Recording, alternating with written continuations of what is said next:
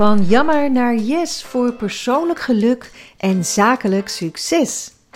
Hoe leef je iedere dag de yes-factor? Hoe ontdek je precies wat jou nu nog in de weg staat?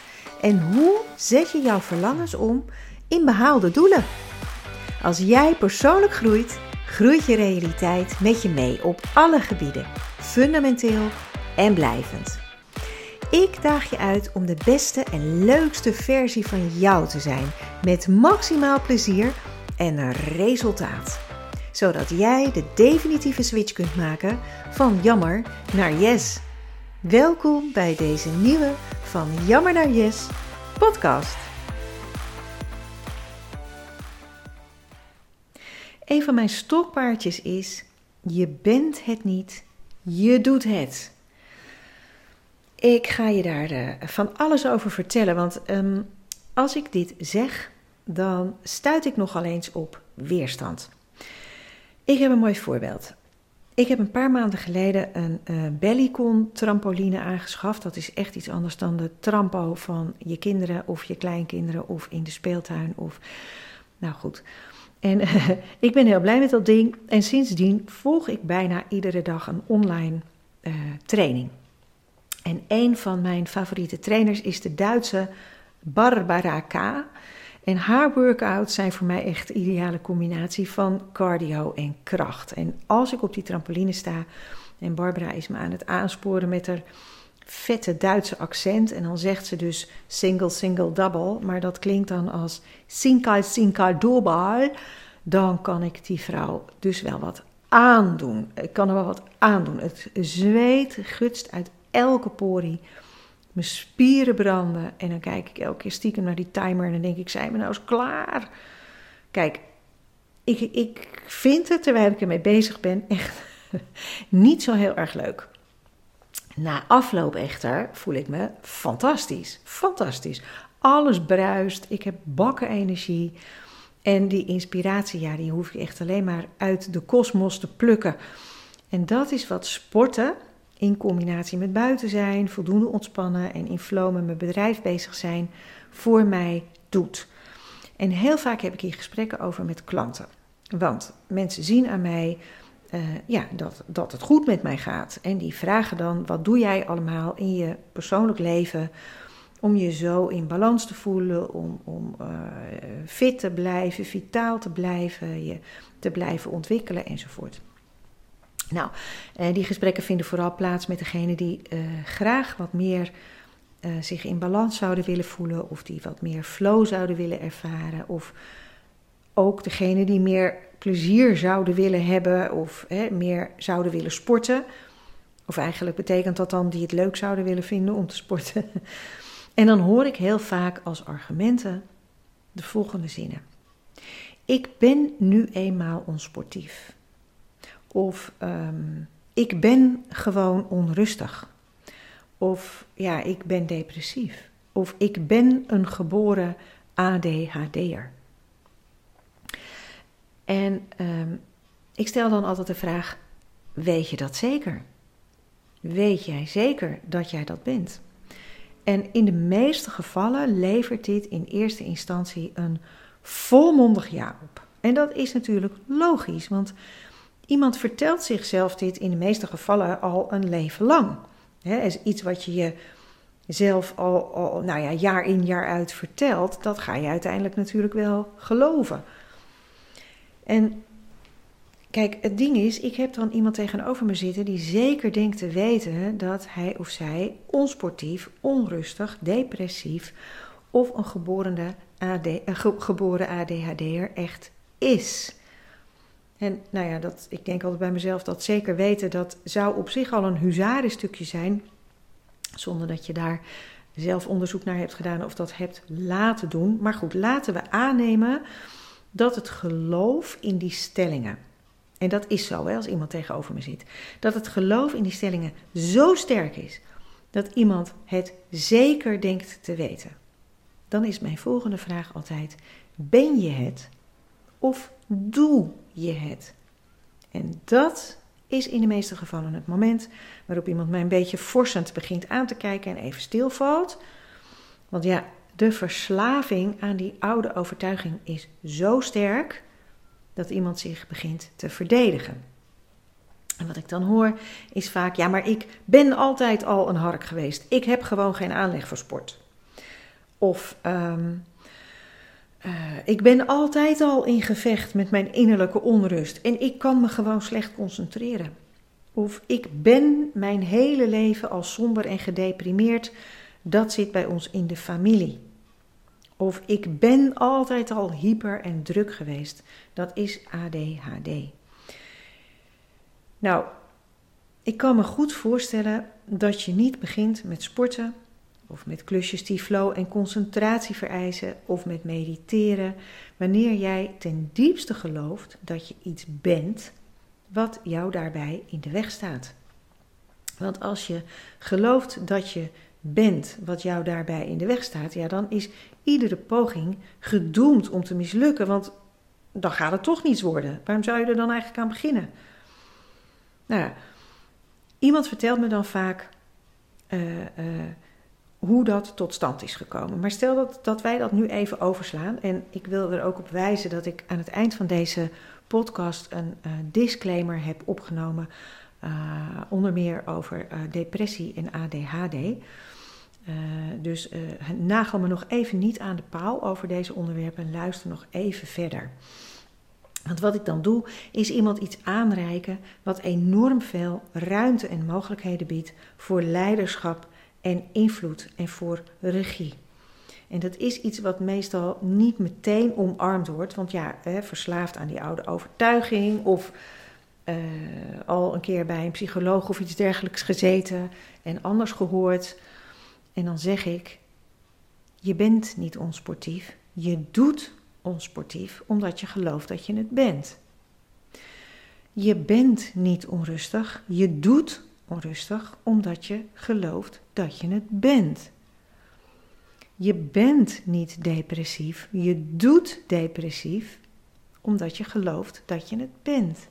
En je bent niet een geboren ADHD'er, je doet ADHD omdat je gelooft dat je een ADHD'er bent. Nou, ik verwijs hierbij nog even naar de disclaimer die aan het eind van deze podcast uh, uh, echt het luisteren waard is. Um, misschien herken je het wel. Dat je jezelf iets aanpraat wat eigenlijk helemaal niet waar is over jou. Zoals je weet, zeg ik altijd, toen je werd geboren was je al gelukt. Je was helemaal goed, je was oké, je was mooi, je was prachtig, je was bijzonder en nog veel meer. En hoezeer gaan de deuren van je voorstellingsvermogen voor jou open wanneer je gaat zeggen dat je iets doet in plaats van dat je iets bent. Voel je het verschil? Voel je, voel je die verschuiving? Voel je het nuanceverschil? Als ik tegen mijzelf zeg: uh, Ik ben incapabel, dan betekent het dat ik net zo goed kan ophouden met alles. Want dan wordt het helemaal niks met welke poging ik ook waag. Als ik tegen mezelf zeg, ik doe incapabel, dan blijkbaar is het zo dat ik incapabel gedrag vertoon. En hoe komt dat?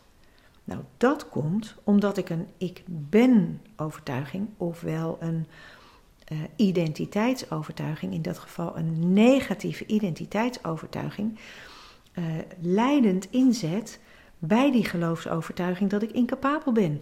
Want ik ben niet incapabel, ik doe incapabel.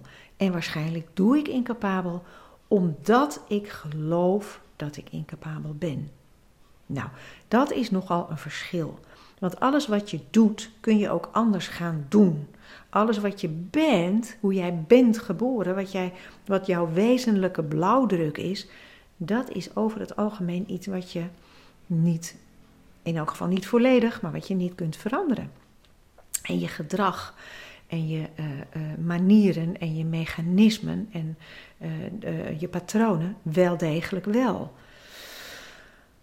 Daarom heb ik het advies voor jou om ehm, zo vaak mogelijk positieve identiteitsovertuigingen aan jezelf op te noemen en het liefst hardop.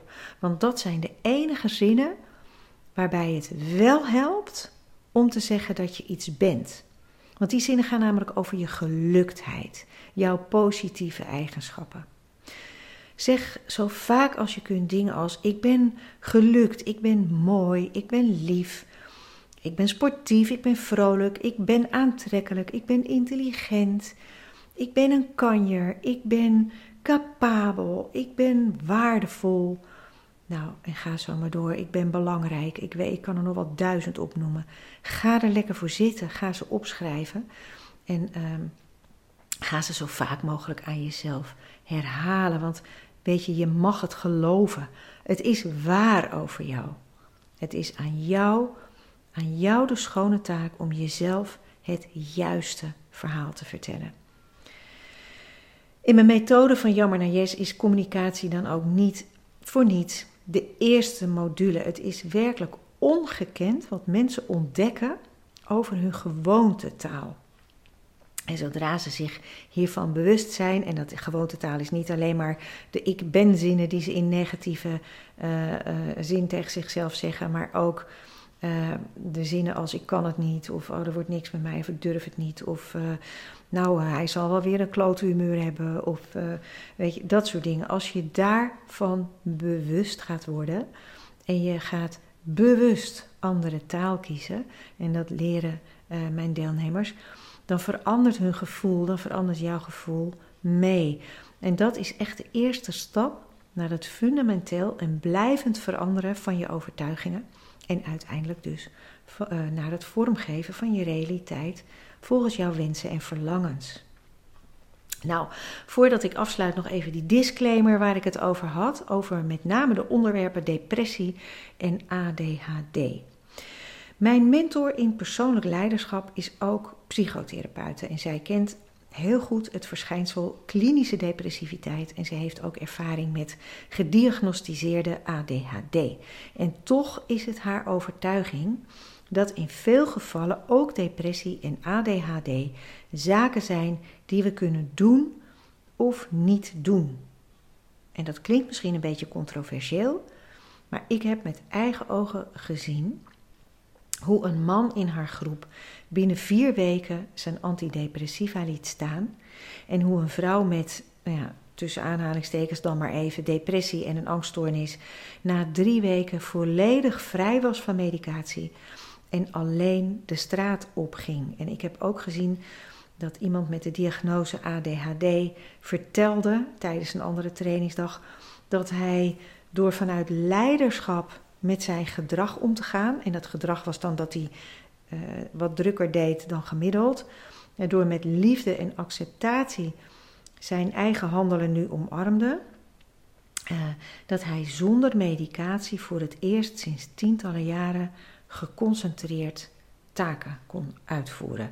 Nou, ik vond het echt amazing. Het was voor mij ook helemaal nieuw. Het was uh, prachtig om waar te nemen. En ik heb het later tot mijn grote vreugde ook in mijn eigen coachings mogen aanschouwen. En uh, daar de nu nog steeds voortdurende effecten bij anderen van mogen zien. Dus ja, ik, ik durf het toch hardop te zeggen.